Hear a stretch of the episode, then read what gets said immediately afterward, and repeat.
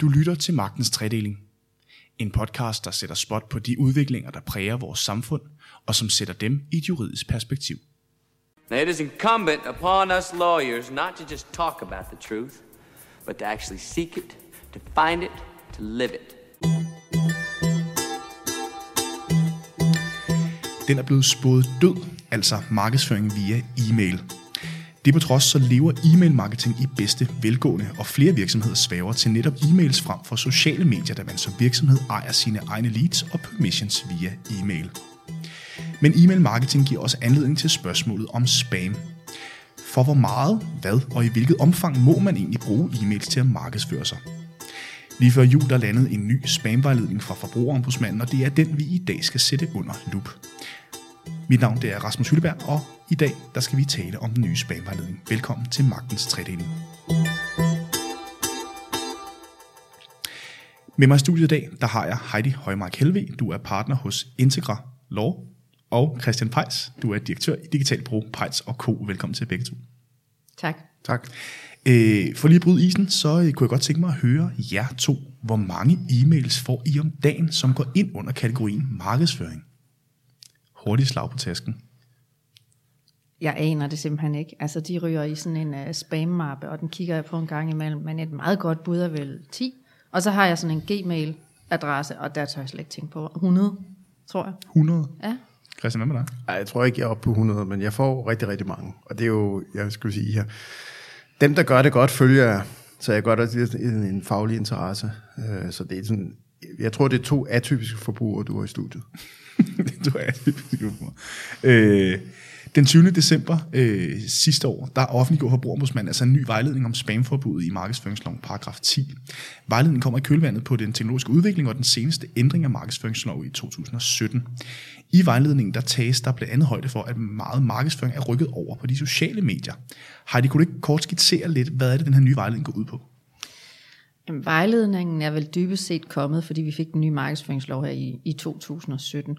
Øh, og helt overordnet, så, øh, altså, så kan man være så fræk og, og sige, at det er gammel vin på nye flasker, for der står sådan set stort set det samme, som der stod i den vejledning, der kom helt tilbage i 2002, den første spamvejledning. Der står helt grundlæggende det, som står i reglerne, nemlig at du må ikke sende markedsførings-e-mails ud, medmindre du har fået samtykke til det, og så er der nogle undtagelser, nogle præciseringer osv. Øh, og hvis du, altså det, som er rigtig godt ved vejledning, det er jo det, at hvis du er erhvervsdrivende og gerne vil sende de her mails ud, øh, og ikke har råd eller lyst til at købe en advokat til at fortælle dig, hvad du må, så kan du sådan set bare slå op i den her vejledning. Nu er den på 41 sider, du bliver rigtig meget klogere, der er en masse gode eksempler. Du kan sådan set grundlæggende finde ud af, hvornår du må sende de her mails ud, og hvornår du ikke må. Så det er ret fint. Christian, øh, på den anden side, øh, du øh, rådgiver virksomheder i forhold til de her e-mails, eller den her e-mail markedsføring. Er det så nemt, som Heidi hun påpeger? Ja, det vil jeg sige, men, men, men problemet er jo, at øh, mange virksomheder er sådan lidt skræmt. Altså dels på grund af bøder for øh, overtrædelse af markedsføringsloven, og så skal man sige sidste års øh, fokus på GDPR og de problemstillinger. Så skal man sige, det gør bare, at, at skal man sige, vi oplever flere kunder, der skal man sige, imod vores råd, er for konservative i forhold til, hvad, hvad de burde gøre, og også hvad loven siger. Lidt den her frygt kunne jeg godt tænke mig at vende tilbage til. Men Heidi, hvis det bare er gavnvin på nye flasker, hvorfor har den så fået så meget opmærksomhed, den her nye vejledning? Fordi flere advokathus har jo blandt andet øh, hvad hedder det, inviteret til øh, diverse hjemmøder omkring den her nye spamvejledning. Mm. Jamen, jeg tror, det har fået så meget opmærksomhed, fordi e-mail-markedsføring stadigvæk er så stort. Øh, og så tror jeg, at Christian har fuldstændig ret i, at, øh, øh, at det er GDPR-hysteriet, som, øh, som er blevet puttet over i spam-e-mails af en eller anden årsag. Øh, og, og derudover så øh, er det også, fordi der faktisk er nogle ret høje bøder på, på e-mail-markedsføring også. Forbrugerombudsmanden har kørt nogle principsager og fået nogle... Øh, øh, øh, ja, nogle, nogle principper igennem for de her bøder, hvor, hvor der bliver givet nogle relativt høje bøder, og det er klart, at man er bekymret for det, når man er øh, erhvervsdrivende. Udover det kan du jo sige, en ting er, at du kan få en bøde. De højeste bøder, som, som, som jeg kender til, er, er lige under en million kroner. Altså for spam? Øh, for spam. Øh, Udover at du kan få de der bøder, så sker der jo samtidig det, når du får en bøde, eller bare for at vide af forbrugerombudsmanden, det og det og det må du ikke, at du kan tage din permission database og smide i skraldespanden. Og hvis du har brugt en hel masse penge for at bygge en rigtig dejlig permission database op, og så bagefter skal smide den i skraldespanden, så, så er det jo næsten værre end den bøde, du kan få. Skal vi sige, en, den væsentligste grund til den her fokus, det er, at altså, e-mail og e-mail marketing, det virker. Og det er lidt i lyset af, at, at hvis man har en hjemmeside eller en e-shop, så er der ikke nogen, der bare lige kommer derind af sig selv. Altså, web er utrolig reaktivt, hvorimod en e-mail, den kommer ud og opsøgende. Det, de, du som virksomhed har mulighed for at opsøge dine kunder, når du gerne vil. Og det er det, der gør mailkanalen er så interessant. Det er lidt det samme med de sociale medier, men der er bare nogle algoritmer, der ligesom driller, og der er nogle virksomheder, der skal tjene nogle penge, der gør, at den eneste måde, du reelt set kommer igennem og får dit reach øh, i de sociale mediesammenhæng, det er ved at betale. Og der kan man sige, så er det billigere øh, at tænke i mailkanalen. Mm. Og hvis jeg lige må skyde noget ind der i forhold til mailkanalen, nu er det ikke fordi, det skal være en reklame for at sende mails ud, det her det handler sådan set om, hvornår man må sende mails ud, men du har selv kontrollen. Hvis du bruger sociale medier, øh, hvis du for eksempel bruger Facebook-markedsføring rigtig meget, så er du fuldstændig afhængig af, hvad Facebook finder på. Og, øh, og hvis du sender mails ud, så er du mere afhængig af dig selv. Altså vi på K-News er jo meget glade for vores øh, e-mails nyhedsbreve, fordi mm. vi kan jo se, at vi har en rigtig høj åbningsrate, mm. og det er jo folk, der selv aktivt har valgt at signe ind på, hvad skal man sige, vores indhold. Øhm, men hvem er det egentlig, der er omfattet af spamreglerne, og hvem er ikke? Dem, som øh, på en eller anden måde foretager sig noget kommercielt, er omfattet af spamreglerne. Det er selvfølgelig øh, det klassiske eksempel, en helt almindelig erhvervsdrivende, en webshop, der sender e-mails ud, øh, men det er sådan set også øh, offentlige myndigheder, hvis de er ude at foretage sig noget kommercielt. Afgrænsningen går sådan set ikke på, hvordan man er etableret som organisation, om man er et APS, et AS eller et IS, eller man er en NGO eller en offentlig myndighed, eller hvad man er. Øh, afgrænsningen går på, hvad du foretager dig. Så hvis du foretager dig noget kommercielt, så skal du overholde de her regler. Hvis du er en NGO, hvis du er Røde Kors, hvis du er Red Barnet, hvis du er WHO, øh, og du er ude og prøve på at være medlemmer eller samle penge ind til et godt formål, så gælder reglerne ikke. Hvis du er, er det ikke Muskelsvindfonden, ja. som laver en grøn koncert, hvor du sælger billetter, som er kommercielle, så er du omfattet af markedsføringsloven. Okay, det, det er jo lidt interessant, øh, Christian, fordi altså, øh, er der ikke ekstremt mange gråzoner i det her? Og der er masser af gråzoner, men man kan sige, den, en af de største øh, øh, problemstillinger øh, i hovederne på, på, på de kommersielle virksomheder, så at sige, det, det er jo det her med og, foreninger og organisationer, og, sådan set i den grad også det offentlige. Det er, hvornår er du i markedsføringsloven, hvornår er du ikke? Og det er virkelig meget ofte der, at, at, skal man sige, at, at, at problemet opstår. Men det fører også over til, at, at hvis man lige vender det over med, med modtagerens øjne, de kære danskere derude, så er der jo en bred øh, forståelse for, at man må ikke bare sende, hvis man er en institution, så må man ikke bare sende en mail til mig. Og det vil sige, det bliver opfattet lidt sådan anmæsende og som spam. Det kan godt være, at de juridisk er ok, fordi man ikke er i markedsføringsloven. Men hvis Røde Kors sender sms'er til en million danskere om, at de skal støtte, en, på grund af at jordskal kan være nok så nyttigt, øh, og, og, og absolut juridisk ok, men, men man kan sige, der er mange, der bliver sådan lidt stødt. Hvorfor gør de det? Altså min telefon, og hvad, det må de da ikke. Og det er jo fordi, at det, det, for en almindelig dansker er det svært at skille det der med, hvad der står oppe i toppen af, af, af markedsføringsloven, og hvornår man er indenfor og udenfor. Men det, det er virkelig det, der, der, der er, er mange af, af problemstillingerne knyttet til. Du skiller lidt mellem to former for spam. Ja. Øhm, kunne du ikke prøve at gøre os lidt klogere på, ja, hvad du mener med det? Jamen, det er jo selv det her, at, at hvis man nu er en institution eller en, en, en, en virksomhed, som vil gøre noget godt for sine kunder, øh, jamen så bør man jo lade være med at sende mails, som de ikke forstår, hvorfor de modtager. Altså, hvis man ud af det blå får en mail, så bliver man sådan, øh, hvorfor sender de noget til mig? Hvis, hvis jeg er travlt og, og midt i et eller andet, så får jeg sådan noget, hvorfor? Det er da, det er da irriterende, og det er sikkert, det er sikkert heller ikke lovligt, tænker man. Ikke? Så det kan sige, er man ude i de der opfattede gråzoner, hvor jorden er ok, det kan være en forening, der sender en mail til alle sine medlemmer for eksempel, jamen så skriv nu i den mail, du sender, at det faktisk er ok, fordi vi ikke omfatter markedsføringsloven, og du er medlem af den her forening, og derfor er det her vores medlemsblad, og vi kommunikerer på den her måde. Forklar brugeren, hvorfor jeg får den her mail, i stedet for bare at sende Jamen det er jeg fuldstændig enig i. Jeg vil også sige, når jeg rådgiver, øh, særligt også offentlige myndigheder, kommuner, som også nogle gange kan finde på at lave nogle ting, som sådan er i et eller andet grænseområde, og hvor jeg vurderer, her vi sådan set ikke inde i markedsføringsloven, så er det faktisk tit, at de ender med ikke at sende de pågældende mails ud, eller i hvert fald komme med en eller anden disclaimer, en eller anden forklaring på, hvorfor de gør det alligevel, fordi Folk bliver sure, og folk synes så ovenikøbet, købet, en ting er NGO'er, fordi der har vi alligevel det gode formål, som gør, at vi undskylder nogle ting øh, lidt mere, end vi gør, hvis vi får noget fra kommunen, fordi der, har vi, der synes vi nok ikke nødvendigvis, vi har det gode formål, som, som kan undskylde noget som helst.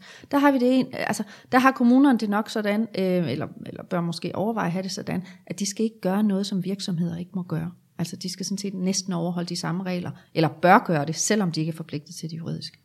Det er jeg faktisk ikke enig i. Altså det kommer selvfølgelig an på, hvilket budskab de gerne vil af. Men hvis de gerne vil af med et budskab, som modtageren dybest set gerne vil have, det kan være noget serviceinformation omkring, hvornår der står skrald, eller el, altså den dur. Men hvordan ved man, om, altså, om modtageren gerne vil have? Man har en, de fleste, der arbejder med kommunikation, har jo en vis... Øh, Begrundet formodning. Begrundet formodning, lige ja. præcis. Og der kan man sige, hvis man nu, altså som det første i den her mail skriver, du modtager den, og det er ok, at du modtager den, og vi gør det for at gøre dig glad, så at sige, og så er budskabet. Så ligesom skærer det ud i pap, så synes jeg jo, at, at det er jo en god borgerservice. Og jeg er fuldstændig enig med Heidi, der er ikke rigtig nogen, der gør det, men det er jo synd, fordi, altså hvorfor skal, det hvad, skal jeg være afhængig af at se for eksempel budskabet i den lokale avis, eller hvis jeg tilfældigvis kommer på kommunens hjemmeside, eller Altså, og jeg er bare irriteret tirsdag aften, fordi der var stor skrald tirsdag, og jeg fik ikke stillet mit ud. Ikke? Altså. Men, spil, altså, men Christian, altså, synes du, at, at for eksempel offentlige myndigheder øh, simpelthen rigtig spænder ben for sig selv i forhold til det her? Fordi, som du selv siger, der kunne jo være rigtig meget hvad skal man sige, kommunikation til for eksempel borgerne, øh, som kunne være rigtig nyttige at få via mail. Altså, øh, i den grad. Altså kan man sige, den eneste form for kommunikation, man kender fra det offentlige via noget, der minder om øh, øh mail, det er jo e-boks. Og det kan man sige, det ved vi alle sammen, hvor tungt det nu er. Ikke? Så det er hvis, ofte et sivkort på ejendomsskat. Altså ja. præcis, ikke? Og, og, og, og, får man sådan en e-boks advisering om nu har Gentofte Kommune sendt mig et eller andet, ikke? Altså, og så kommer man ind, og så, så, så er det et eller andet, der er kattens værnagtigt, eller rottebekæmpelse, altså, og det er ikke min del af kommunen, eller et eller andet, så bliver man jo irriteret, fordi man er vant til e-boks er meget, meget vigtige ting. Der skal man jo bare sende en almindelig mail. Altså, det, det, det, det er jo det der med at differentiere og anvende kanalerne i, i, i tråd med, hvad, hvad borgeren forventer. Og jeg synes generelt set, at det offentlige, de bruger e-mail alt, alt, alt for lidt.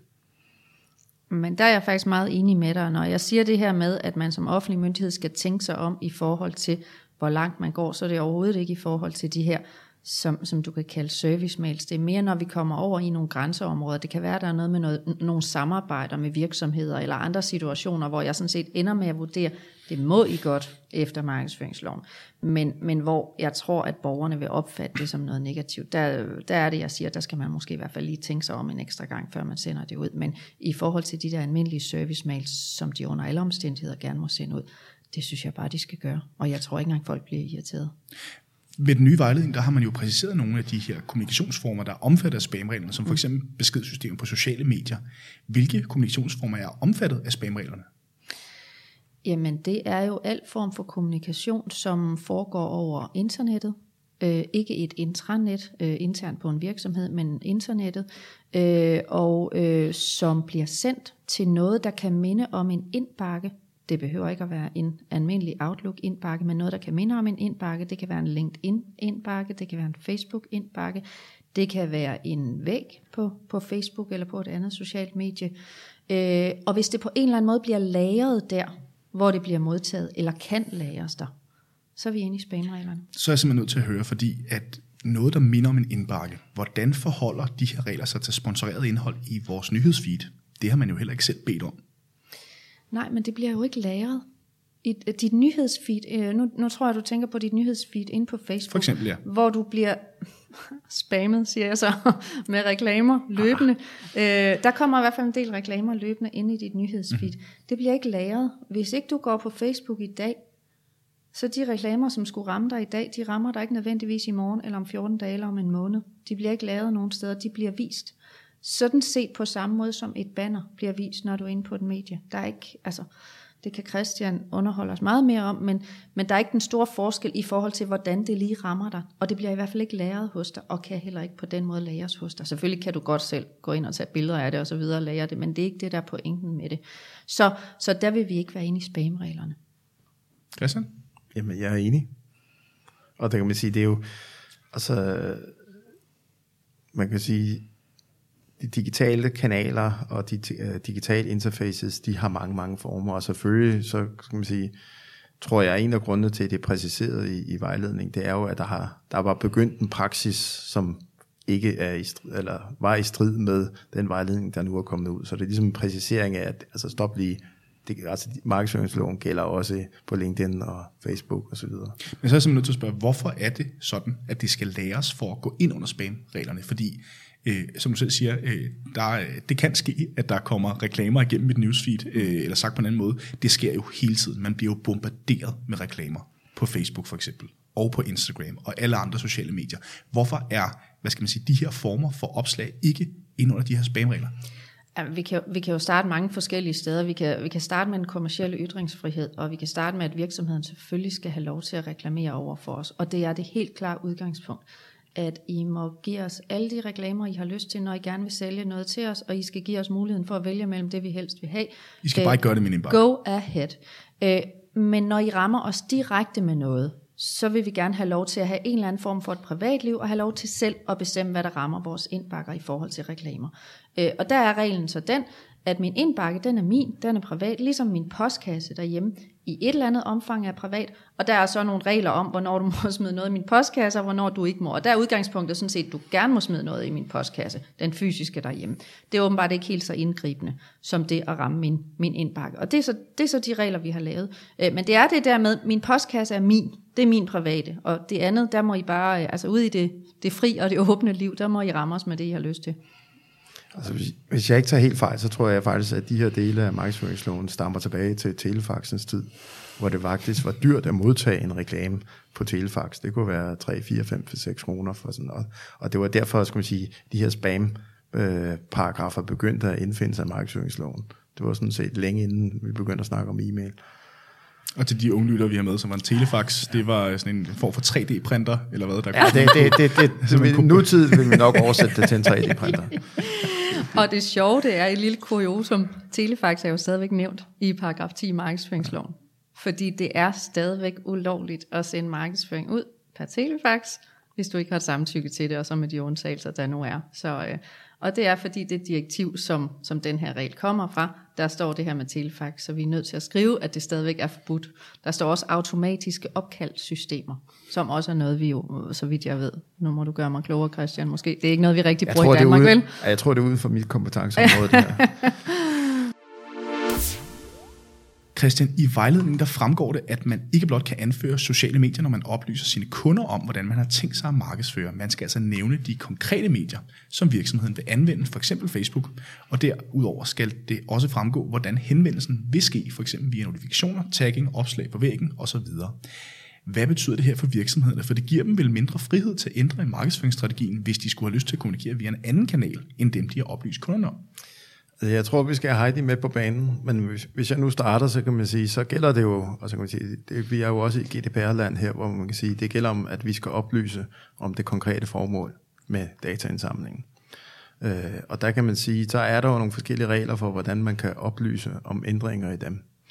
Og jeg ved ikke, om jeg tager helt fejl, men hvis man nu har lavet sin permission-opsamlingstekst fuldstændig korrekt, så kan man godt informere, om man ændrer den øh, Øh, fremadrettet. Og det vil sige, at det, det er jo at, at sikre, at det budskab er kommet ud til den tidligere permissionhaver.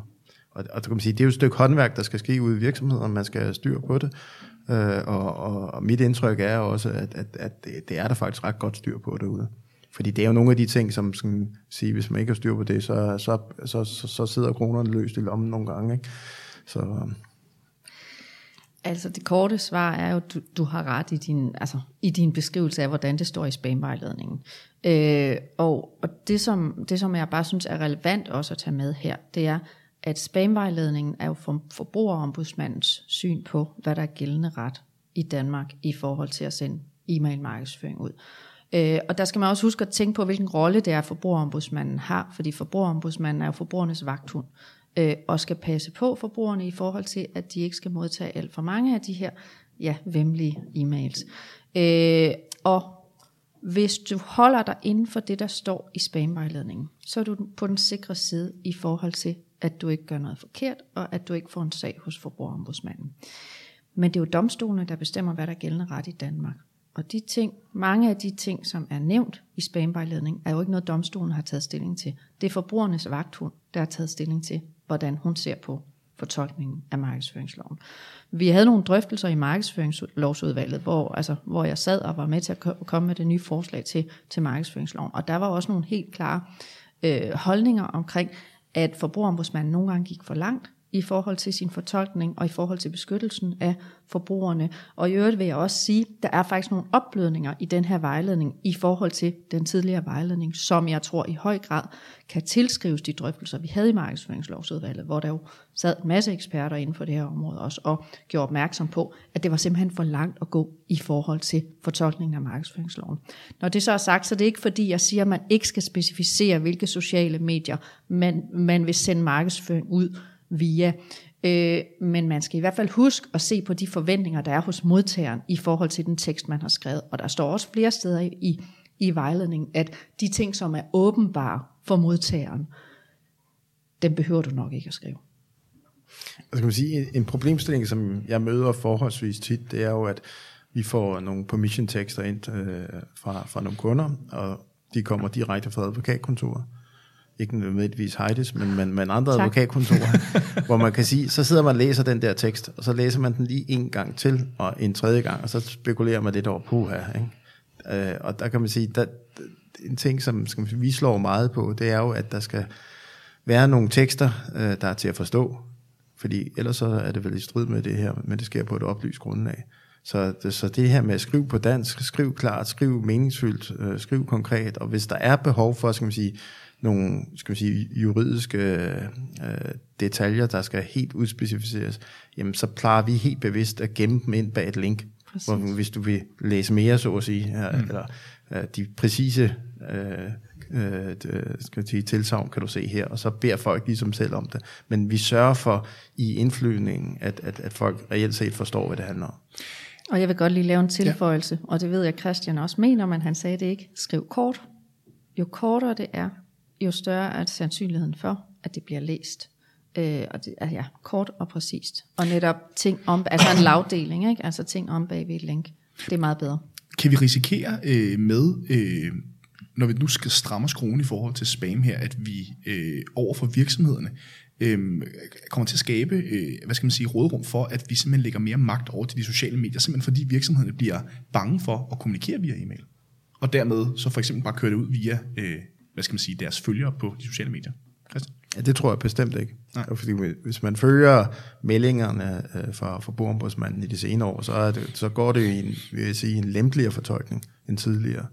Så, så det, det oplever vi slet ikke. Mm. Tværtimod, kan man sige, frygten for ændringer i algoritmer gør, at, at, at det her med at få fat i kundernes mailadresse, det er kommet højere på agendaen. Så i virkeligheden tror jeg, man må sige, at øh, vi køber ikke præmissen i dit spørgsmål, fordi du siger, at vi strammer skruen over for spam eller noget i den retning, og det gør man jo ikke nødvendigvis med det her. Øh, man strammer måske, altså man gør nogle ting mere klart, men der er faktisk lempelser i den her vejledning, og, øh, og, og jeg er fuldstændig enig i, at at man får flyttet flere ting over på mail måske. Øh, og så ud over det vil jeg også sige, i forhold til selve håndhævelsen, så går forbrugerombudsmanden jo også efter de virksomheder, som markedsfører sig på Facebook og andre sociale medier. Det er jo virksomheden, hun så går efter. En ting er, at hun ikke kan gå efter Facebook, fordi det er der ligesom nogle andre, der må gøre. Mm. Men så går hun efter de øh, virksomheder, der bruger Facebook-markedsføring, og de får bøder uanset om de bruger Facebook eller e-mails eller LinkedIn e-mails, eller hvad de nu finder på at bruge. Du nævnte tidligere, Heidi, de her øh, bødeniveauer ja. øh, på øh, op til en million kroner. Mm. Øh, umiddelbart så virker det meget voldsomt, at man kan få så store bøder for at sende øh, hvad skal man sige, spam eller for mange mails ud til sine, øh, eller til potentielle kunder. Mm. Øh, hvorfor er bødeniveauet så højt? Men altså bødeniveauet er jo, er jo lavet ud fra, hvor mange e-mails du i virkeligheden sender ud, og dermed hvor mange mennesker du forstyrrer med de her e-mails, som så jo er ulovlige, siden man får en bøde for dem. Beregningsmodellen øh, siger jo, at det koster 100 kroner per ulovlig udsendt e-mail, per gang du sender den ud.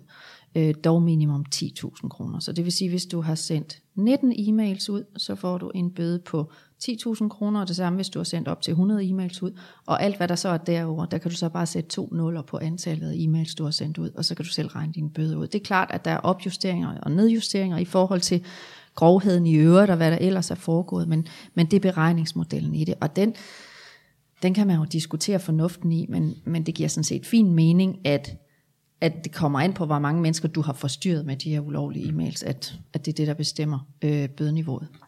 Jeg tror også, jeg kan sige, i hvert fald de eksempler, jeg kender til, der er der tale om sådan, altså sort land. Altså det er klokkeklar overtrædelse af loven. Hmm.